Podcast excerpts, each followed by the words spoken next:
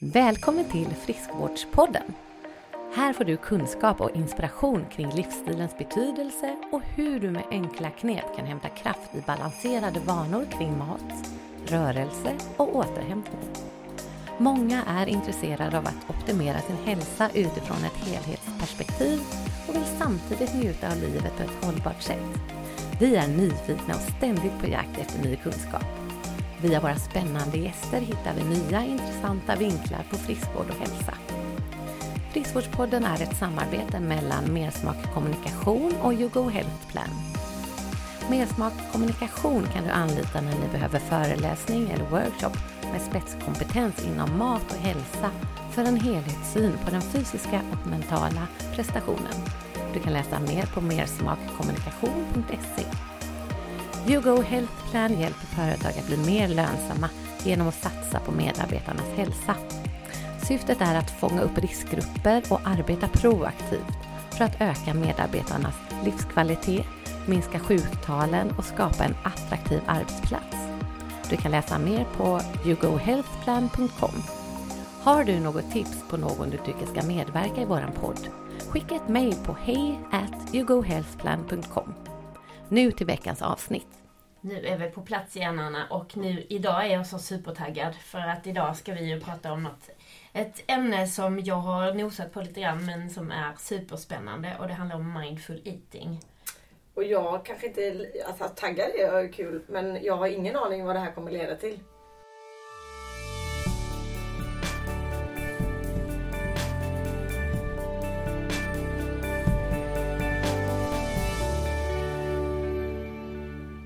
Välkomna till Friskvårdspodden då. Vi står här med eh, vår gäst Elin Borg idag. Och du får jättegärna börja med att bara presentera liksom, vem är du då? Ja, eh, jag jobbar med mindfulness och mindful eating och självmedkänsla och idag ska vi prata mest om mindful eating. Men det här det är mina stora passioner så jag har ynnesten att få jobba med min, eh, min stora passion i livet. Mm. Och jobbat eh, heltid, i stort sett hela tiden med detta senaste åtta åren.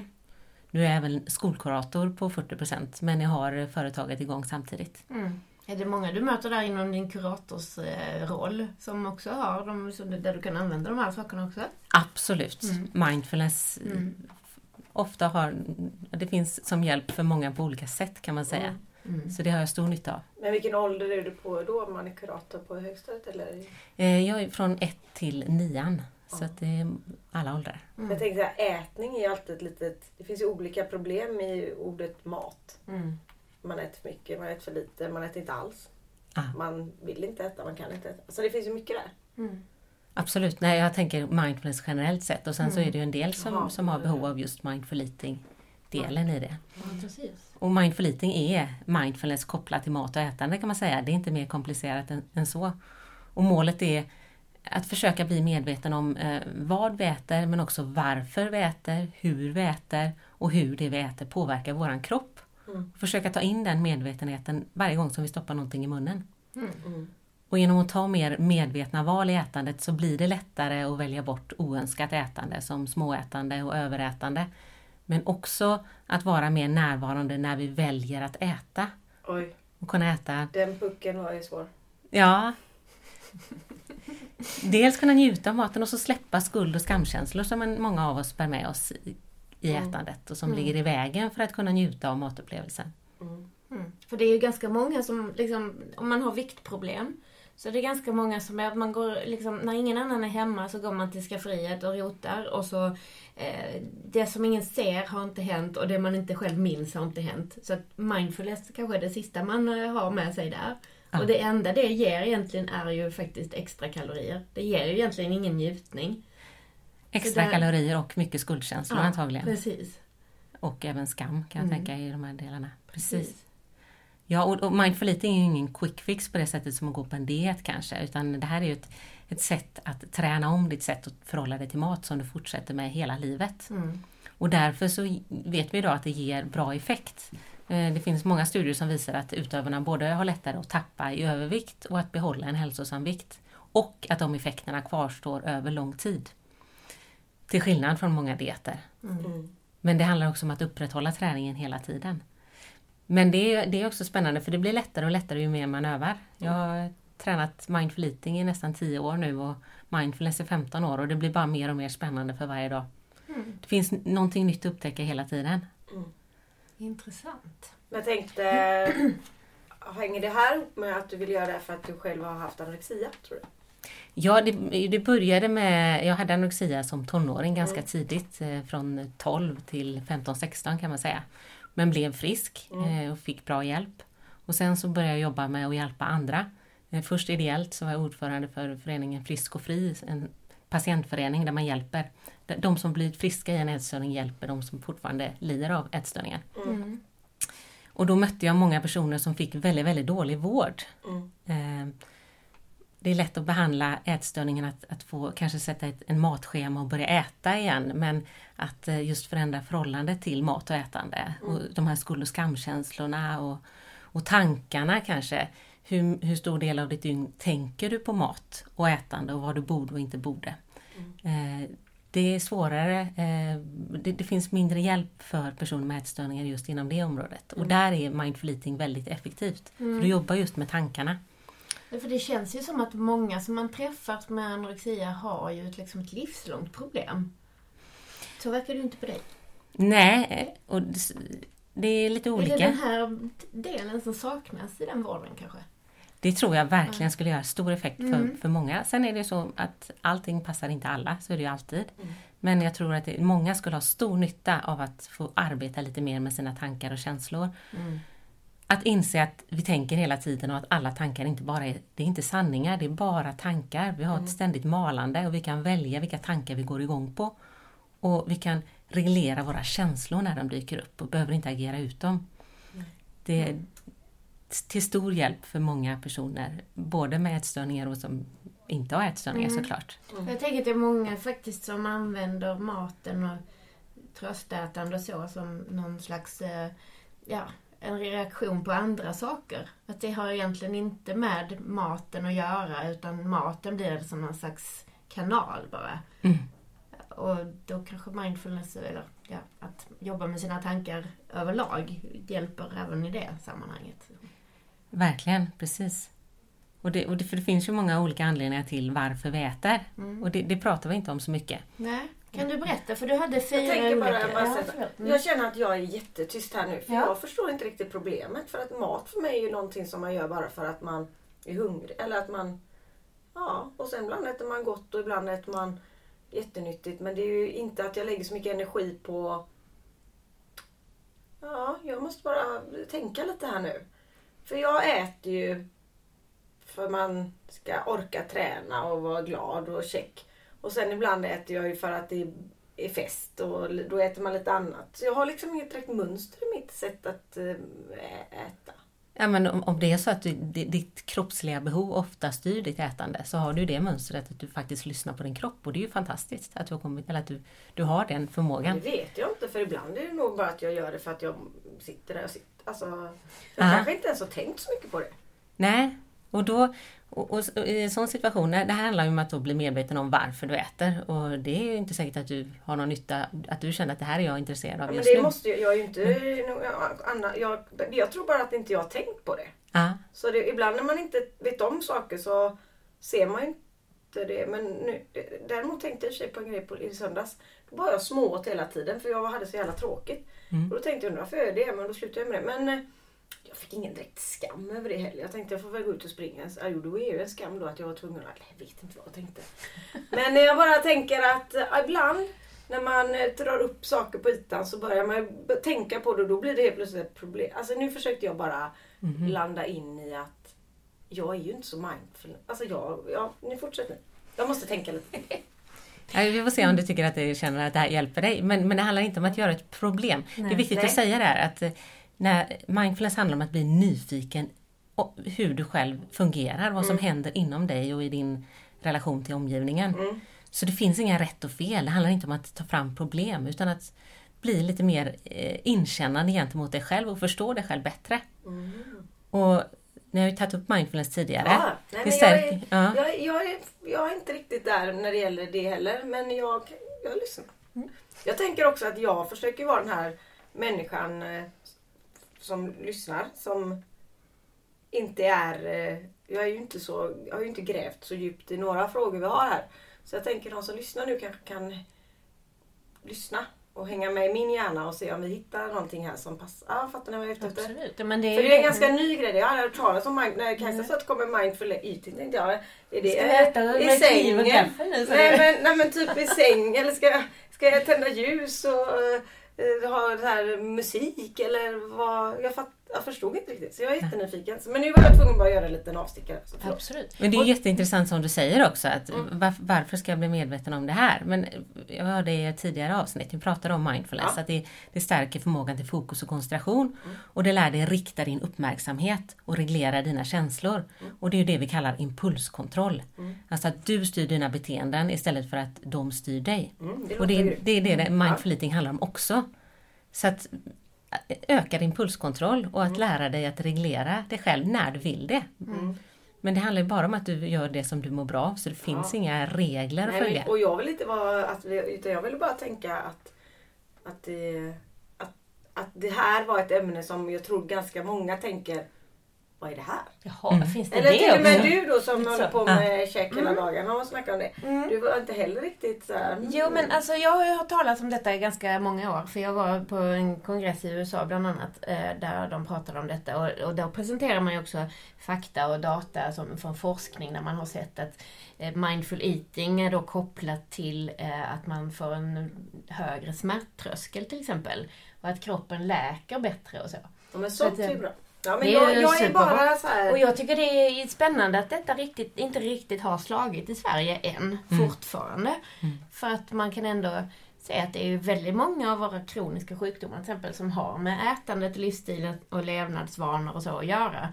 Eh, och bland annat så säger man ju då att, att våra matvanor är den största riskfaktorn.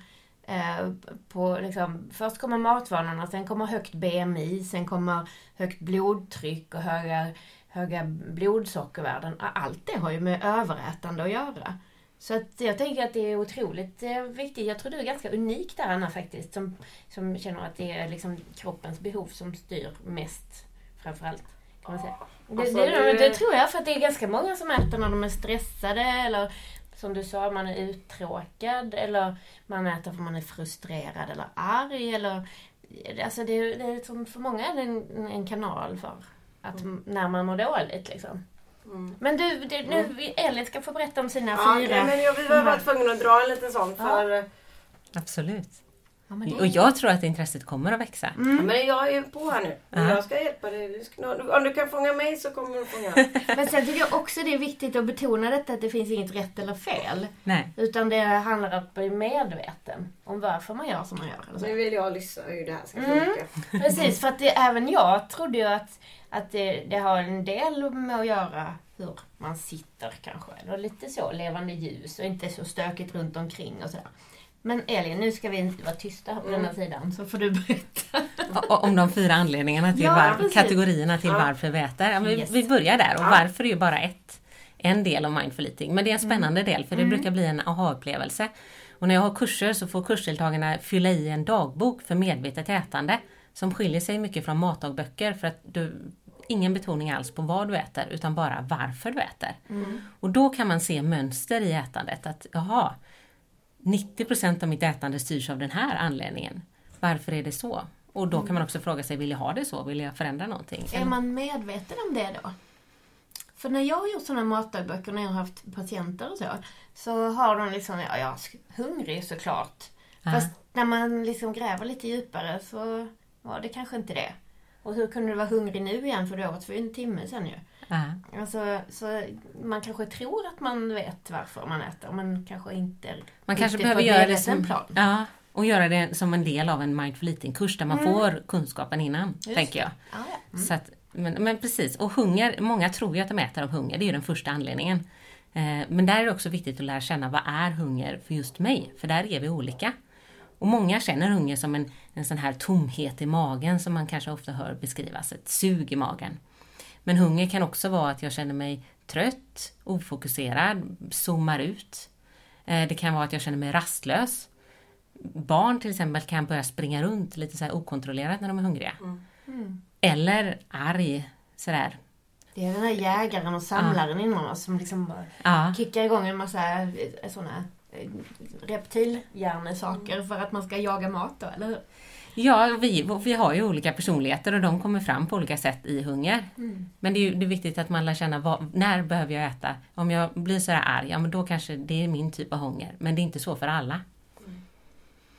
Och den andra anledningen det är det vi kallar ätande av vana.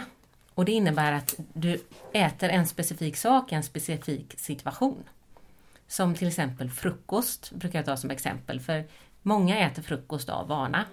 Egentligen kanske man inte är hungrig. Mm. Inte sugen alls kanske. Men vi har ju lärt oss att man ska äta frukost. Så då äter jag det ändå. Och återigen, det här, det här finns inte rätt eller fel. Men det är intressant att se att ja, jag äter faktiskt bara frukost av vana. Jag kanske skulle må bra av att vänta en timme. Eh, eller så fortsätter jag ha det som jag har det. Men vanätande det kan vara också att eh, varje fredag så äter du chips framför TVn eller varje gång jag går på bio ska jag äta popcorn eller godis. Och där är det intressant att stanna upp. Om, måste jag äta den här godispåsen för att jag går på bio här nu? Även om jag egentligen inte är sugen. Jag vet att jag kommer må illa efteråt eller kanske bara 10 minuter in i godispåsen. Och, och det egentligen så kanske jag får dåligt samvete efteråt för att jag vill egentligen inte äta den. Och där kan man ju stanna upp. Just det, nu, nu är jag på, på väg att göra någonting gå för att bio. Kan du gå på bio utan godis? Precis. Ja, eller ja. Ja. det- Ja, där ska vi ta den parentesen redan nu. Ja, ja, min, min son som skulle gå på bio med skolan häromdagen ja. och eh, läraren i sin inbjudan till den här, eller instruktionerna där, kom till bion klockan åtta onsdag morgon. Och vill ni ha mer snacks och godis så går det jättebra. Så vad, va? Så bara för att man går in i en biosalong så måste man äta skit, tänker jag. Ja. Det är ju jättekonstigt. Och särskilt när det är en lektion, bara det att den är på en annan plats. Ska man då inte liksom tänka sig för innan man skriver något sånt? Precis. Och, och du delar ju det på Facebook och fick ju väldigt många svar såg jag. Mm, mm. Och det, jag tror många tänkte på klockan åtta på morgonen kan man ju inte äta godis.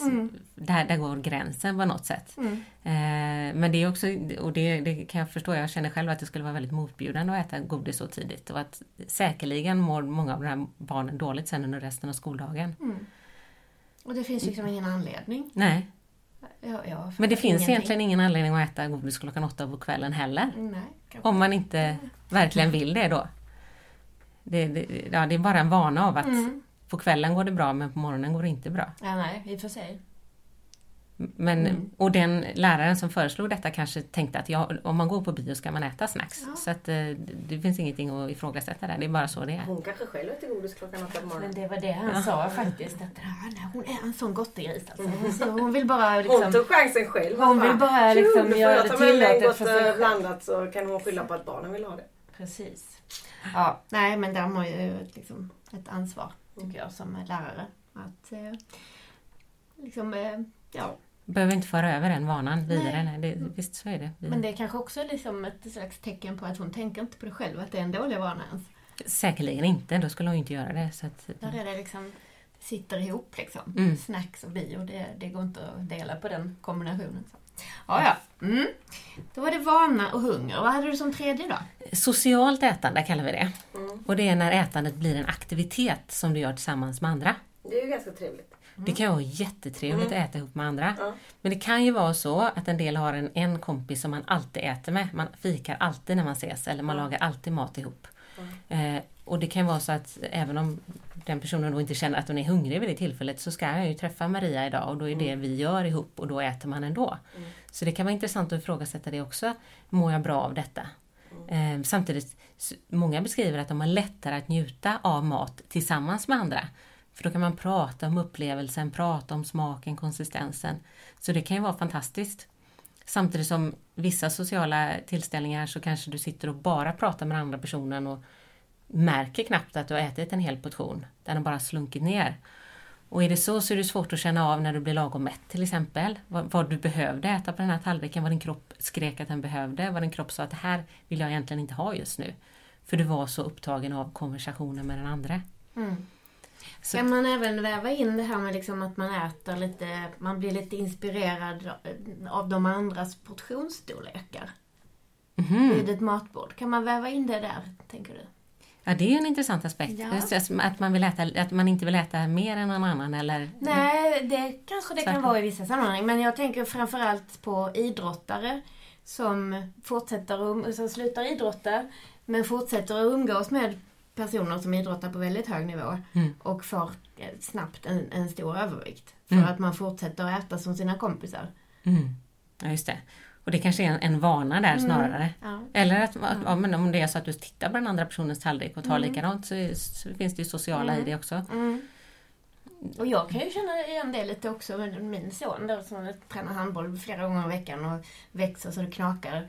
Och så går han mig och liksom fixa lite mellanmål sådär strax innan läggdags. Då blir jag också sugen på det. Ja, just det. Så det kan ju också, det behöver jag ju inte. Nej, nej, nej. nej. Nej. Och det kan ju vara intressant att se att du gör det för, och kanske ännu mer då med ens barn, att det är lättare att sätta sig in i den Ja. hungern Ja. för vissa. Ja, spännande. Fikarast kan ju också vara en sån, att det. det. finns fika och man fikar när man har rast på vissa arbetsplatser.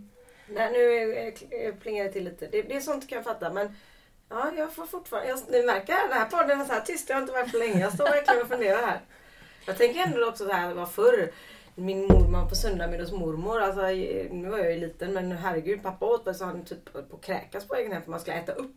Ja. Och det var ju hennes sätt att vara generös och samla och Mm. och då gjorde man inte det. Det gjorde man ju liksom några gånger om året. Så då fick han väl göra det liksom. Men jag menar, Så han åt för att inte göra henne ledsen. ja.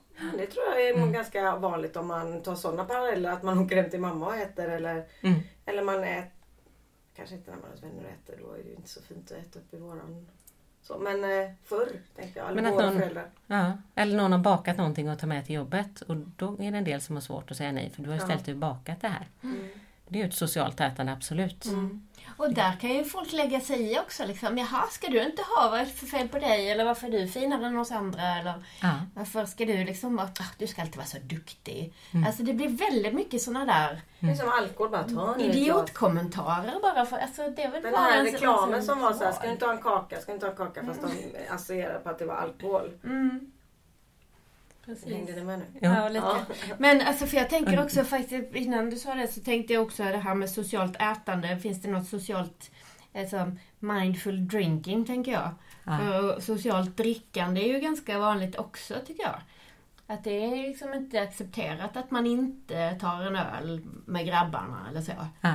Och tjejer är det lite mer okej att inte dricka tycker jag. Men, men känslan är lite, mm, ja. Det beror på vilket sammanhang. sammanhangen absolut. som jag har varit i många gånger så är det Men lite du så. rör dig så konstiga kretsar. Du vet, det lilla Edet och sånt. Nej, förlåt alla därifrån. Eh, Men ehm, Definitivt. att man liksom med de gamla grabbkompisarna som man hängde med på gymnasiet, det är klart man ska dricka som man alltid har gjort. Liksom. Mm. Och för familjen som är med så känns det bara, hallå, vad håller ni på med?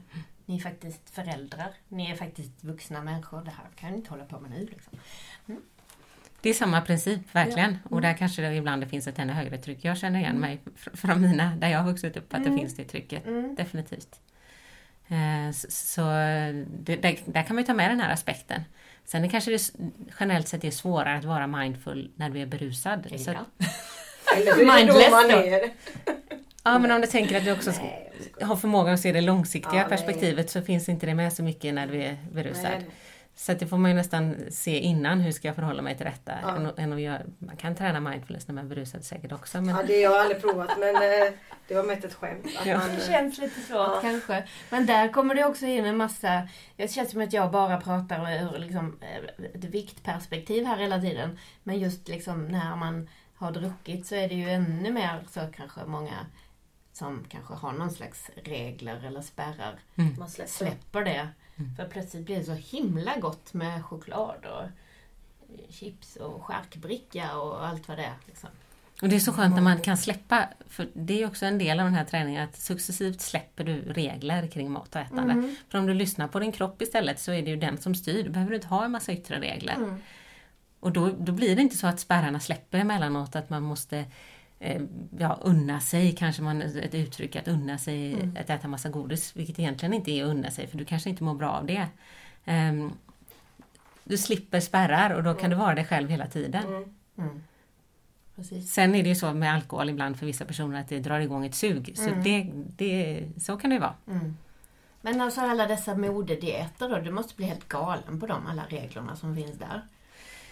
Eh, Ännu mer galen än jag, tänker jag. Det, det är synd om de personer som hållit på och jojobanta under många år. Jag träffar många eh, klienter som har jojobantat i kanske 20 år. Mm. Diet efter diet. Och så har man gått ner i vikt och så har man känt sig jätteduktig och sen så ja, har det inte lyckats på något sätt och sen så går man upp i vikt igen. Och då påminner gärna omgivningen om hur det gick förra gången, att du klarar ändå inte att banta. Så att det kanske går sämre och sämre för de här dieterna varje gång. Och så successivt lägger man dessutom på sig vikt. Nu börjar jag tänka så här, vad du är ute efter. Att man inte ens ska tänka att man äter. Alltså att du äter ju när kroppen behöver det. Så det blir inte det här, många har ju, är ju helt uppe i mat. Så man kan ju inte ens umgås med dem för det enda de funderar på är vad de ska äta nästa gång, vad de har på tallriken. Och det är ju extremt eh, jobbigt tycker jag. För jag tänker inte så himla mycket Ja, man, man, jag äter inte alltid frukost och så äter jag lunch bara. Det gör jag ju faktiskt lite för att Linda börjar... Eller, ja, min kropp har nog lärt sig att vara hungrig där någon gång.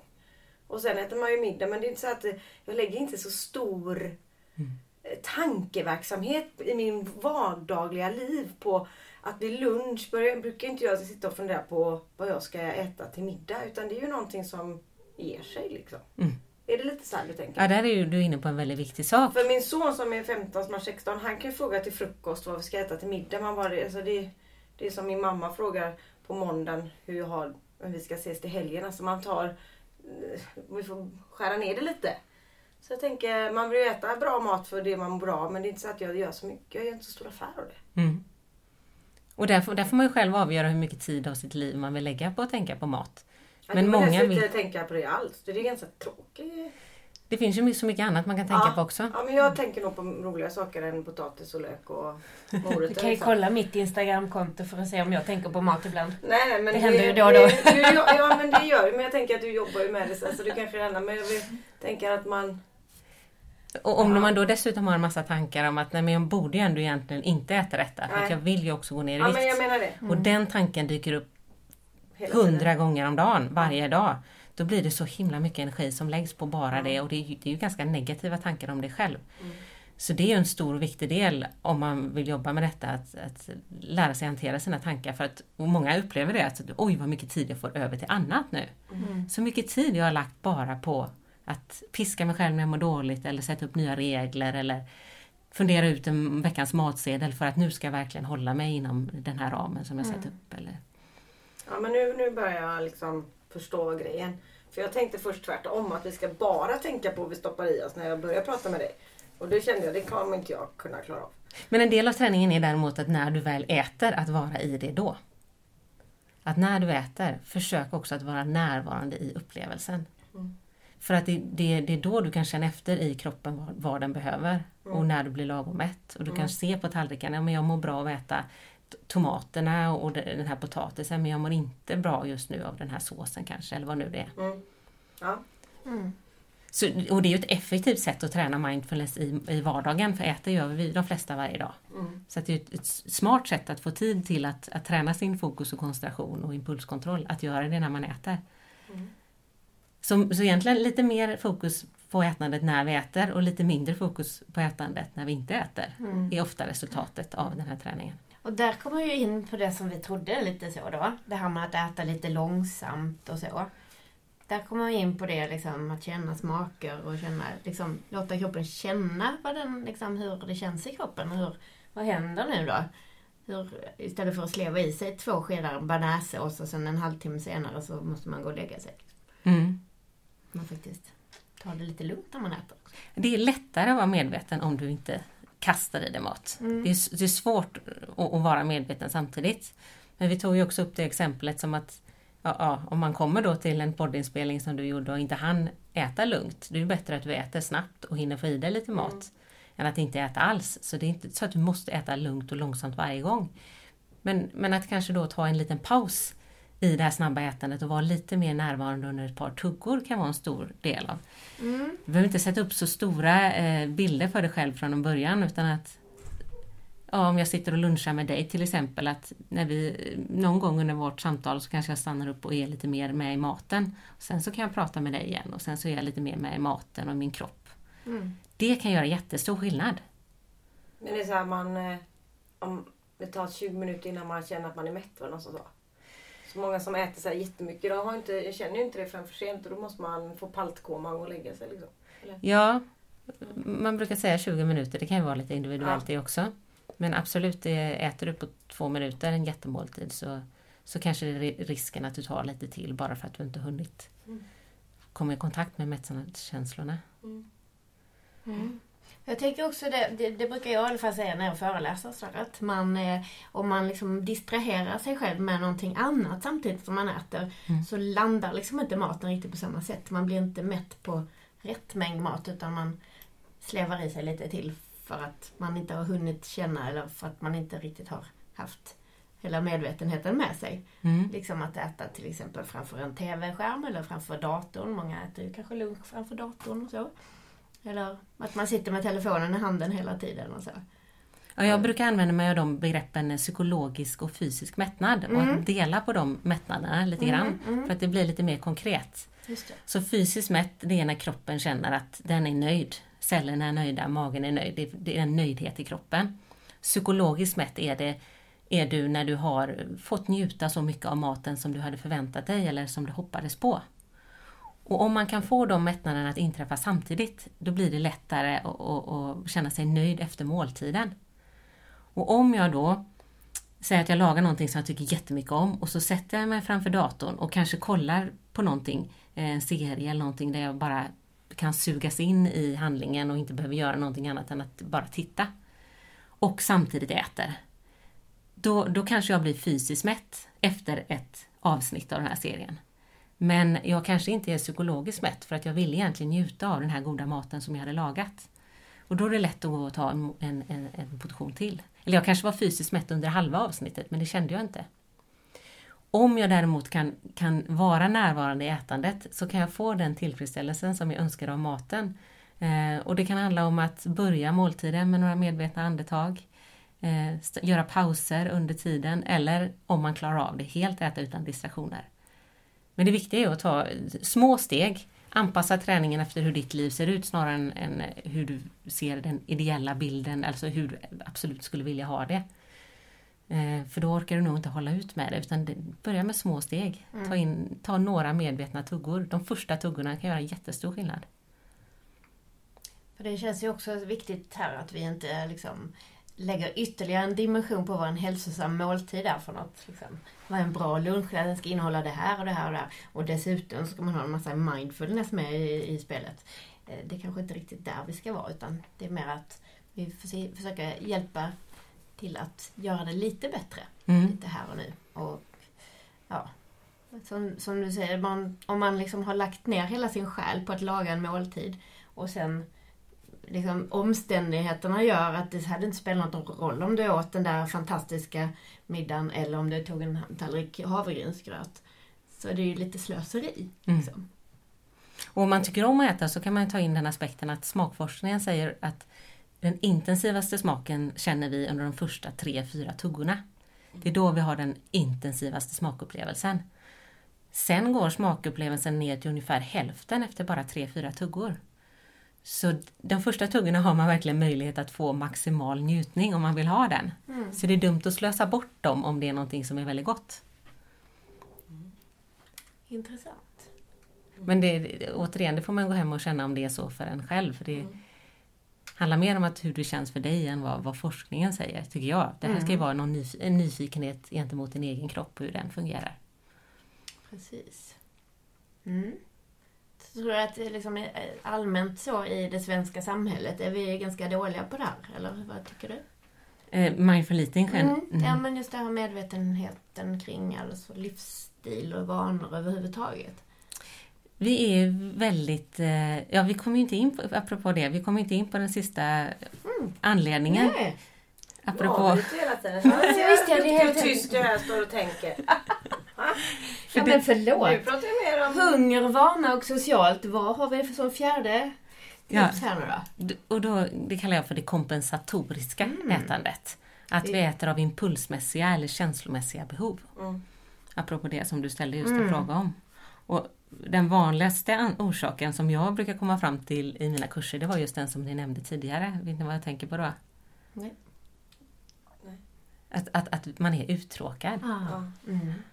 För vi är så vana att vara ständigt stimulerade idag hela tiden. Alltså, vi har en möjlighet att alltid vara uppkopplade via telefonen eller få någon kick på något sätt. Mm. Så många har svårt till exempel att titta på TV utan att äta samtidigt. Det blir för tråkigt att titta bara på TV. Mm. Eller så tittar man på TV och äter och tar upp mobilen var femte minut och bara kollar vad som har hänt. Man kan säga att det här eh, eh, som vi bygger nu då, de här öppna köken med tv-rum i samma anslutning. Det kanske är därför som jag inte äter så mycket. För att vi har väldigt långt hus. Och kö eh, köket ligger här. Och tvn har vi liksom massa trappor bort. Så då blir det liksom det är ingen, ingen som småäter då. Men om man sitter där i köket och så har du tvn och du har allting på samma plats. Så kanske det är så här att man bara, "Nej, men jag tar nog en... Allting finns runt dig. Mm. Så det blir aldrig några hinder att gå och hämta en glasspinne eller eh, en skål yoghurt. Det kan vara vad som helst, vad man är sugen på. Ja, det är intressant. Så, så det kanske är att vi har byggt ihop allting så allting finns där och man ser allting. Och där är ju där står det kakfat eller där står den eh, grejen. Eller vad man nu har hemma. Jag vet inte vad, ja, vad det nu är. Eller man har nära till chipsen som är kvar sedan i fredags. Så är det måndags bara, fasen det fanns ju ändå lite chips kvar i skafferiet. Ja. Men om man har lång tid till det så kanske det första kanske man inte ens tänker på det. För andra är det så här, att man hinner tänka mer. Man, nej, men jag ska inte gå ner i köket och äta chips. Alltså man, jag vet inte. Jag bara tänkte att man har ju allting så. Ja, det kan säkert påverka också. Men, att, men, men att, att vi är så dåliga på att inte ha någonting att göra, att vi he- blir så lätt uttråkade påverkar ju definitivt. Men det är ju reklam också. Det är en sån grej som man ofta reser upp. eh, Och kanske, jag vet inte vad det är, men jag brukar. Ja men om man säger så här. eh, Min lille son vill alltid ha du, kvällsmat. Och då gör jag, säger jag alltid till honom, men jag gör det i reklamen. Om man nu tittar på någonting. Och då eh, får jag gå och hämta det. Mm. Så reklamen kan ju också göra att man äter jag. Mm, absolut. Och Om man nu sen, tittar på TV. sen är det ju väldigt mycket, nu, nu är det några år sedan, men jag vet att det, det finns sådana folk som har forskat på det och, och kollat hur ofta man får en impuls till att få äta när man, under en TV-kväll. Och alltså det var sjukt mycket. Jag vet inte, det var typ 200 gånger eller, eller ännu mer. Jag minns inte.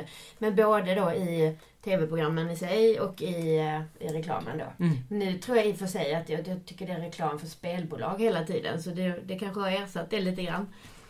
Vilket är bäst då? Nej, jag vet inte. Så många idag kollar ju på, på serier kanske på någon Ja. sajt som inte har reklam och där kan du också pausa när du vill. Och, Jo. Så där kan du väldigt lätt gå iväg och, och, och, och hitta någonting eller ta någon, ja. Det är enkelt att ta paus. Man missar inte TV-programmet bara för att man går iväg heller. Jag vet inte om det påverkar. Ja, nej, jag vet inte, eller jag tittar inte så mycket på TV och jag, jag vet inte. Ja. Nej, jag bara tänkte så här generellt att det, man har allting så lättillgängligt. Mm. Så att det är så lätt att bara stoppa ut en hand och så tjoff så har jag en... En korv med bröd ser det ut som du höll i där. Nej, det, det var, jag vet inte vad man har hemma men det gäller väl kanske inte att köpa hem massa skit. Mm. Om man nu har den. Men jag köper bara nyttiga grejer för då kan jag inte sitta på kvällen och... Det kan vara ett sätt. Det kan- Sen- men det det är också någonting som eh, många kursdeltagare säger till mig som är en sån stor grej för en del att jag kan ha den här chokladbiten eller den här mm, sötsaken hemma och jag äter den inte för att jag behöver inte äta den. Det är ett sätt att man visar att jag verkligen har kommit en vart i träningen. Att, Mm. Ja, men jag behöver inte heller... Det låter som jag är grym. Men jag, jag tänker Ja, också kan- på det här med eh, att det ofta står ett kakfat eller en godisskål vid kaffemaskinen. Eller att det ja, fruktskål. Det kan ju vara bra i och för sig. Men att det är svårt att låta bli att äta om det står framme. Aha. Är det, vad, vad sätter du in det, Det, här? det faller också in socialt, under, för det finns väldigt många olika kompensatoriska ätandeformer och mm. där, där faller även det här just impulsmässiga, att jag råkar bara ta någonting. Mm. Det kan ju ligga någon bakom orsak till det. Det kanske är att du är stressad Mm. eh, och bara vill ha någonting att göra för att slippa känna stressen. Sen kan det också vara så att du väljer att, att ta någonting eh, för att trösta dig själv för att du känner dig nedstämd på något sätt. Den här klassiska bilden av att eh, tjejen blir dumpad och så kommer tjejkompisen hem med en glasslåda. Och så sitter man och slevar i sig med, med sked direkt ur lådan. Det är ju tröstätande kan man säga. Det är också kompensatoriskt ätande. Det fungerar eh, de första minuterna oftast eftersom mat är lite lugnande men sen så kommer du må illa antagligen och må ännu sämre. Mm. Så allt kompensatoriskt ätande kan man säga, det, det är ingenting som du behöver utan det är, du försöker kompensera med mat fast det går inte att kompensera med mat. Nej. Men apropå det du säger där att bara stoppa i sig. Eh, Google gjorde en intressant eh, in- experiment kan man väl kalla det. För de tyckte att deras anställda åt för mycket gratis MMMs. Och så istället för att sluta skicka ut gratis MMMs, vilket man kanske kunde ha gjort, men det gjorde inte de, utan de skickade, fortsatte skicka MMMsen men i mörka lådor som gömdes undan lite grann. Och så istället så ställde man fram det som man tyckte var nyttigare snacks, nötter och torkad frukt. Och då menar de att bara på sju veckor på deras 2000 anställda på kontoret i New York så sparar de in 3,1 miljoner MMN-kalorier. Okay. Och det säger en del om hur lätt det är att bara... Mm. Det här bara att jag, det står en skåla och jag stoppar in den. Mm. Men ändå konstigt att skicka dem om de inte äta upp dem. Alltså det är ju pengar i med. Ja. Ja, det, det, jag vet inte varför man gjorde så här. Nej, Jag har jag läst tänker bara- jag tänker så här. Jag vet inte hur ni hade det när ni var små men hemma hos min mormor fanns det alltid skålar med godis som stod där. Jag tror inte hon åt för att hon, det var nog lite, så här lite generös eller lite fin. Ja, lite Hon, hade, hon rökte inte heller men hon hade också så här någon fin liten ask med cigg i om man blev sugen. Inte jag då, eller vuxna. Men på något sätt kanske det är också är att det, det har blivit sådär... Ja men... Jag vet inte vad jag ska komma till riktigt men nu är det bara att man ska dölja allting. Men om man lyfter fram grejer så kanske det inte blir att man måste ta det. Om det alltid stod karameller här eller... Jag vet inte. Man försöker hela tiden... Ja, nu ska vi samla ihop den här lilla... Nej men jag tänker att det är så mycket förbud som man vill ha förbuden. Mm. Ju mer vi säger en sak så blir man sugen på det. Mm. Helt plötsligt blir man nästan sugen på den geishan som ligger där bara för att du har lagt den här. Äpplet blev jag inte i men kan inte. Men eh, alltså det är, jag vet inte. Absolut, och för någon som har svårt att motstå Ja. godiset och sen kunna känna att jag kan motstå. Det, är ju, det kan ju kännas som wow, jag har kommit jättelångt med mig själv. Men jag vet ju en del som har nästan anmält sina chefer för att de har eh, choklad framme, eller godis stående framme för att de anser att det är ett, ett problem för hälsan på arbetsplatsen. Mm. Så att det beror ju på Ja, det, det är en träningssak att kunna hantera det och vissa har lättare och vissa har svårare. Mm. Du, du kanske eh, rent medfött har lättare för det och andra jag vet inte. Men jag tänker att eh, allt när man ska fira så är det ju med socker eller alkohol. Men vad ska vi fira? Alltså vi måste komma på något nytt nu då. Eller vad? Och det är ju också ett kompensatoriskt ätande. Mm. Jag är glad jag ska fira och då måste vi äta massa också. Ja, och jag och Linda vinner den här tävlingen som jag pratade om för på alla det här. Det var ganska mycket. Hur, jag har faktiskt gått och tänkt på det. Hur ska, Linda eh, dricker ju inte alkohol. Och det gör jag lite grann. Ja. Och hon äter väl inte så mycket grejer heller. Och jag kan tänka mig att äta lite vad som helst. Så jag gick och tänkte så här. Undrar vad sjutton vi ska fira. Alltså jag har verkligen tänkt det. Vi ska inte dricka alkohol för det är inte så roligt om bara en gör. Och Jag kan det- med. Ja. Jag kan vara din, din bubbelkompis. Nej men jag, men jag bara skulle vad, vad, vad, vad, vad ska vi få kvar snart? Eller nå- ibland vill man ju ändå Shit det här var, eller vad kul att alla ni är här om vi bjuder hem då massa folk. Och så då vill jag ju bjuda på lite bubbel och lite grejer och det behöver inte vara chips men lite små grejer och gött. Men det, och det handlar inte om att ta bort firande. Du kan fortsätta fira. Det handlar om att bli medveten om att du faktiskt använder mat just i det här. Du, du, du kompensationsäter. Eller så är du hungrig. Du kanske sparar dig själv så att du är hungrig. Då äter du för att du är hungrig. Mm. Men om du inte är hungrig så är det ett kompensatoriskt ätande och då vet du att just nu äter jag av kompensatoriska orsaker. Och, då, och, då, och då kanske du har bestämt dig för att nu vill jag njuta av detta. Mm. Då försöker jag göra det utan skuld och skam för det här är ett val som jag har tagit. Jag har bestämt mig för att nu vill jag äta det här. Ja. Istället för att det bara blir eh, Mm. på, på någon sorts... eh, Bara för att det brukar vara så. Mm. Så det handlar inte om att göra livet tråkigare. Det Nej. blir snarare roligare skulle jag säga. Verkligen. Och sen att man faktiskt dels njuter mer Ja. men att man måste ju fortsätta låta det här liksom sociala ätande, alltså ätande och sånt kan ju vara en väldigt så social brygga också. En Mm. slags... Jag känner att folk har så himla mycket eh, issues med Ja. grejer som inte borde finnas. Så det är väl jättebra om du kan lära dig. Men herregud.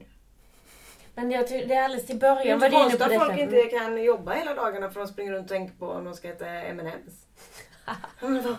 Nej men du pratade om det alldeles i början här. Liksom att man sitter och äter med folk och så sitter de och bara som dissekerar det de äter in i minsta beståndsdel och har det tillsatser och har det det här. Och är det glutenfritt nu? Alltså det finns så mycket Mm. liksom...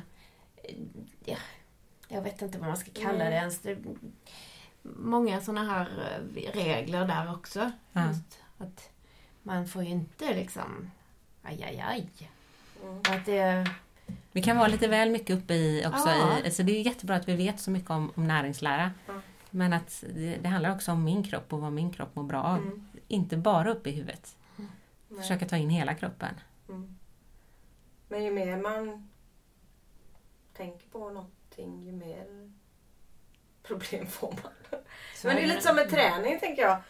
Man gör ju sitt träningsschema i, min hjärna så här på söndag typ. Ska jag träna måndag, tisdag, ja vad jag gör. Och så missar jag en gång så får man ju inte slå sig själv för det utan det kommer ju en ny dag. Mm. Verkligen. Och så att man inte... Man gör ju ett, eh, en, ett schema som man försöker hålla och oftast misslyckas man ju lite men då får man ju tänka om. Så om man har, om man har problem med med maten då så får man kanske falla dit lite grann men ju, nästa dag är ju en ny dag liksom. Precis, och det är ofta det som är problemet med, med de som jag träffar som har jojobantat mycket. Att Mm. den dagen när man inte höll dieten, då ger man upp allt. Och Och så, släpper ja, topplocket liksom. ja. Mm. Så verkligen att försöka vara, som självmedkänsla är ett begrepp som finns inom mindfulness och också mindful eating. Att vara snäll mot sig själv. Mm. Och speciellt när man misslyckas eller när Mm. man ser någonting som man inte tycker om hos sig själv. Mm. Att då försöka vara sin bästa vän. Mm. Och så ta, det är bara ett, det, vi lever bara ett ögonblick i taget så det är ett nytt ögonblick just nu och då kan vi göra det bästa av det och sen så kommer ett nytt ögonblick. Ja men just att eh, inte vara taskig mot sig. Men jag tror man Nej. är lite hård mot sig själv liksom. Och känner sig misslyckad och allt vad det är. Istället för att vara glad att man Mm. finns. Ja, många kvinnor är så hårda mot sig själva. Mm. De sakerna som vi säger till oss själva i våra tankar ibland, det, skulle man säga det till någon annan så skulle den personen aldrig mer prata med en. Mm. Så de tankarna kan vi också bli medvetna genom mindfulness. Att, Oj, säger jag till mig själv 20 gånger varje dag att jag är så klumpig eller att det är så typiskt mig att göra så här. Eller vill jag ha det så? Kan jag tänka på ett annat sätt? Mm. Kan jag bara låta de tankarna komma utan att jag tar åt mig av dem kanske? Mm. Mm. Mm. Mm. Intressant. Ja, det är jätteintressant. Jag kommer att lyssna på detta avsnitt många gånger tror jag. För det, var, det är så mycket som man bara wow. Mm. Mm. Mm. Ja. Det var någon annan, en kollega till mig som la ut något sånt meddelande på Instagram för ett tag sedan. Att, ät som om du älskar dig själv. Ja, Det tycker jag var lite fint. ja. Mm. Det är en bra sammanfattning på hela, hela det här avsnittet. Mm. Visst. Mm. Men då tänker jag också att många försöker påverka andra att äta på ett sätt som man själv tror på. Det, är, det tycker jag är lite irriterande. Mm. Alltså jag äter som jag vill. Sen barn självklart på mig. Alltså att man ska... Ja, men inte när det går för långt. Sen vill man ju påverka dem... Ja, men min familj som bor hemma hos mig. De vill man att de äter frukt och grönt och inte det och inte det och inte godis på. Men eh, att när det blir för mycket liksom. Då kan jag tappa det lite. Alltså, det känns som vi lever lite i en tid där dieter nästan är religioner. Att. Mm. nu är det, här, det här är den enda sanningen, det här passar alla människor att äta på det här sättet. Och det Man blir- måste hitta sin egen väg. En del älskar ju 5-2. Ja. Mm. Och en del klarar inte det. Och, och man väljer det själv. Det finns inget fel och, och rätt. Och så länge man inte... Eller, man väljer själv. Jag kan säga det är tur för er att jag inte går på 5-2. De där två dagarna skulle jag vara inte trevlig alls. Jag skulle nog få åka ut i skogen och sätta mig någonstans. Ja, visst. Det, så, men, men man kan vara medveten och le, leva och träna mindful eating även om man går på 5-2, om Mm. det passar ens kropp, om det Mm. passar en. Men också försöka vara uppmärksam om det blir en sån här dag där man verkligen inte ska fasta för att man blir bara jättearg och Mm. inte kan göra någonting. Då kanske, nej men då får vi frångå den här dieten just idag. Mm. För att det är bättre att jag lyssnar på min kropp. Då kommer du antagligen orka hålla ut längre Mm. än att du bara, nej jag måste göra exakt som jag har bestämt. Precis som du var inne på Man kan tidigare. reda på det här schemat. På 5-2 så har man liksom middagar på lördagar. Så behöver man inte bjuda på någon middag. För de har den dagen man ska äta. Just Det kan vara.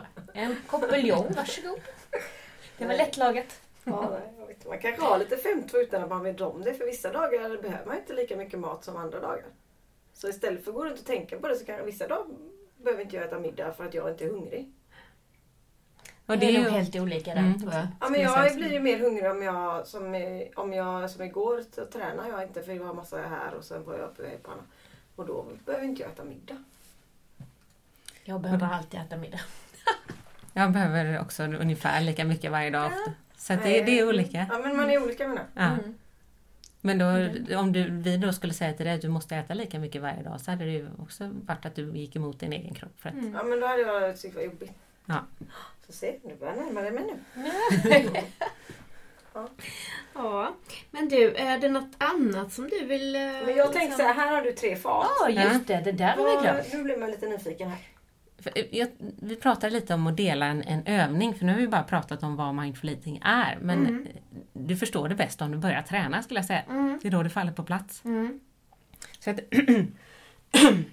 jag tänkte att vi delar en kortare övning här i poddavsnittet. Mm. Och sen så får ni också en länk där eh, om man vill testa en längre övning under ätandet eller inför ätandet en annan tid på dagen så finns det olika länkar eh, genom den här länken. Via din, din hemsida, eller? Precis, Mm. så Vi det är, lägger ut det när vi lägger ut den här så Mm. lägger vi med det i det blogginlägget som Precis. du har så alla Mm. kan gå in och trycka på den länken. ja, vad bra. Ja, det är fyra mindful eating Ja. övningar där och två mindfulness-övningar. Mm.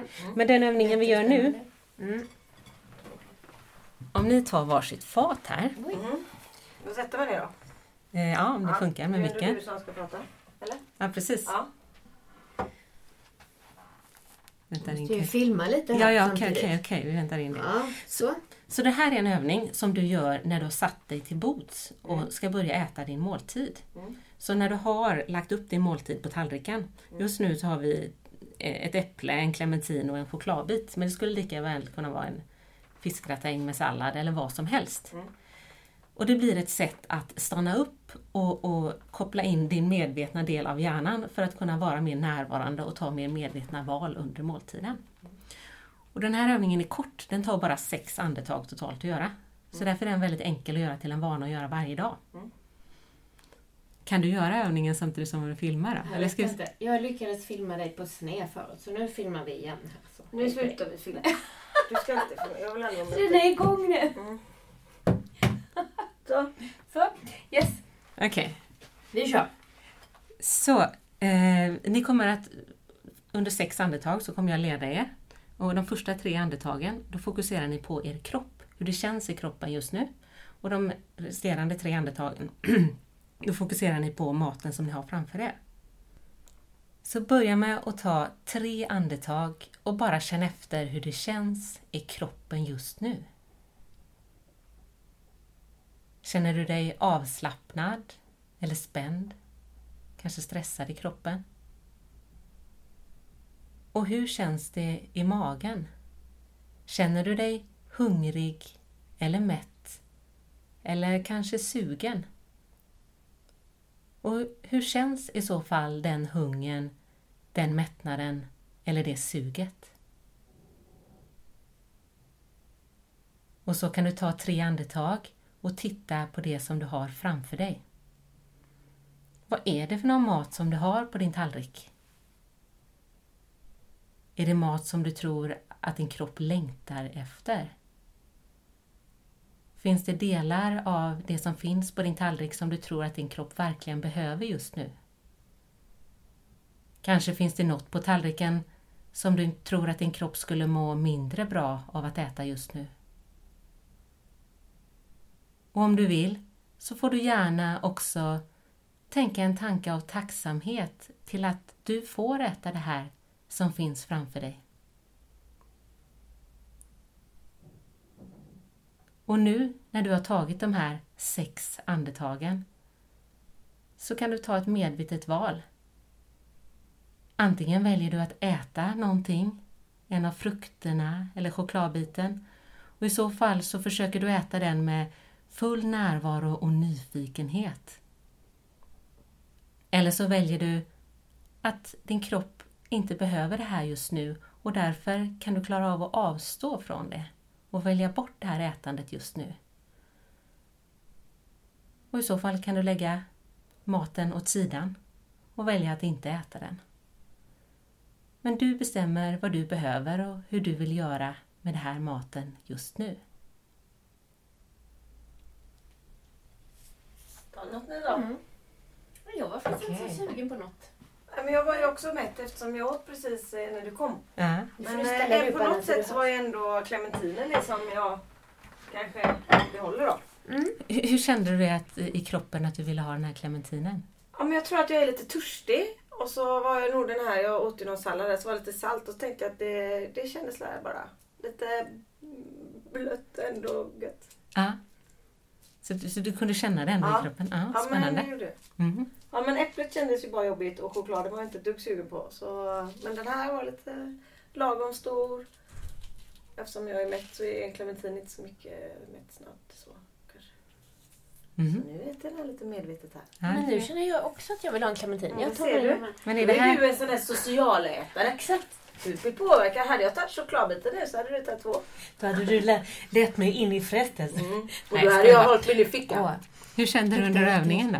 Nej men det kändes bara helt neutralt liksom. Ja. Jag var inte alls så bara nej. Nej. Men samtidigt, för jag går inte runt och tänker att jag är sugen på saker så. Men det kan ju bli så att man, när man väl liksom ställs inför frågan så kanske man blir det. Så att det väcks någonting då. Mm. Och det kanske också gör det att det här inte är så bra att ha en godisskål vid kaffemaskinen. För jag vill egentligen bara ha en kopp kaffe men så stod det en massa socker där Ja. så Mm. kunde jag liksom bara oj, ja men det var ju gott. Man kan ställa sig framför en godis, eh, de här eh, lösvikt bara andas man tre gånger bara vilken är det bästa du ska ha? Så får man de goda med sig hem i alla fall. Så tar man inte de äckliga. Det, Det är ändå det, ett sätt. det är väldigt... Eller, eller bestämma att jag väljer de fem som jag tycker bäst om. Ja, Så att man inte bara tar av allting. men det är ganska bra att man... Ja men alltså... Man köper ju lite godis ibland. Och så här till barnen så. här. Men då brukar jag också säga så här, tänk nu vilka du vill ha. Ja, så man inte tar de äckliga. Om man tar några stycken goda. Och nu känner jag, nu doftar det väldigt mycket clementin här inne. Och min kropp reagerar ganska mycket på det känner jag på en gång. Att det känns i magen. Vill du smaka?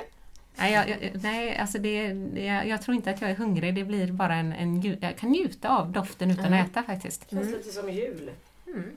Ja, det kan, det kan koppla in minnen. Dofter är ju väldigt så lätt att känna, koppla minnen till dofter. Mm. Men det här var ju väldigt så här intressant. Mm.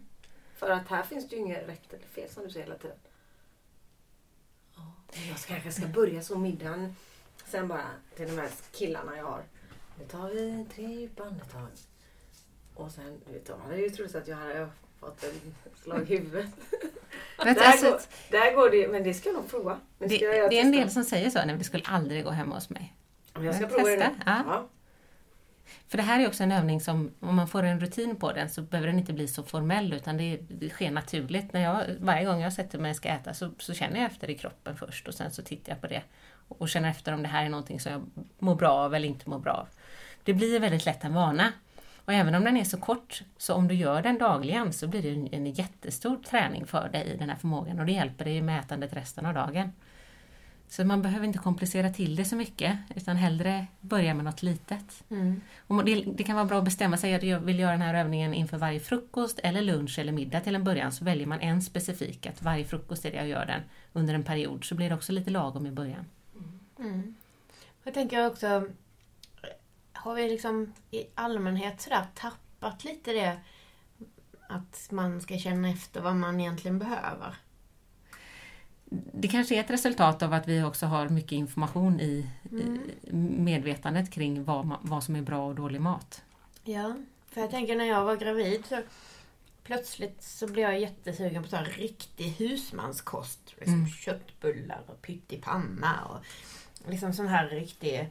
Ja, men då vill man ju inte ha så här fjös. Nej. Sallad och sånt. Jag vill också ha så här, ja, för sig gröna äpplen och så falukorv. Alltså det var inte min Nej favorit. men samma här. Jättekonstigt. Falukorv i ugn med fet potatis. och len mat liksom.